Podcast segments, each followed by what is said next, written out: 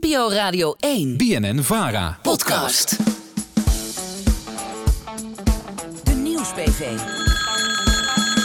De vraag Aan Den Haag.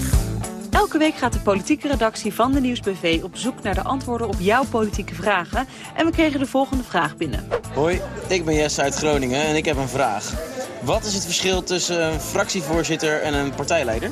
Om antwoord op die vraag te vinden ga ik langs bij D66, want daar hebben ze een fractievoorzitter en een partijleider. En dat is niet dezelfde persoon.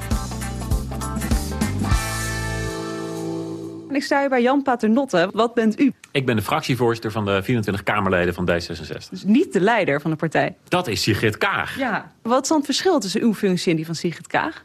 Nou, Sigrid Kaag is eh, gekozen als partijleider door alle leden van D66. Dat was een verkiezing, dat was ook een tegenkandidaat. Zij kreeg die steun, dus zij is op dat schild gehezen. Was ook onze lijsttrekker natuurlijk.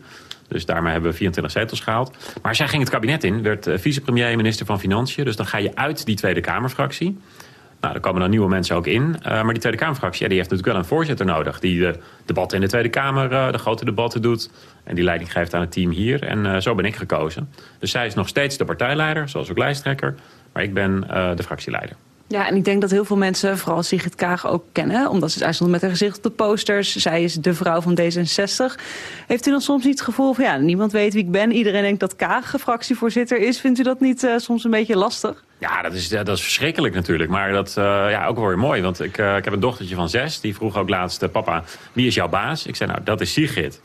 Uh, en aan de andere kant ben ik ook weer een beetje de baas van Sigrid natuurlijk. Want zij is minister en Tweede Kamer. Ja, wij controleren wel het kabinet. Dus ook uh, Sigrid Kaag. Dus dat gaat beide kanten op. Bent u niet een beetje de tassendrager van Sigrid Kaag? ja, als je geen Wilders beluistert, ben ik dan waarschijnlijk meer de, de bezemdrager van Sigrid Kaag. Uh, uh, maar haar tas dragen, nou, dat doe ik ook altijd heel graag. Want zij doet echt geweldig werk voor Nederland als minister van Financiën. Daar ben ik gewoon heel trots op. Ja, en Nederlanders hoeven mij echt niet allemaal te kennen als ik mijn werk mag goed doen.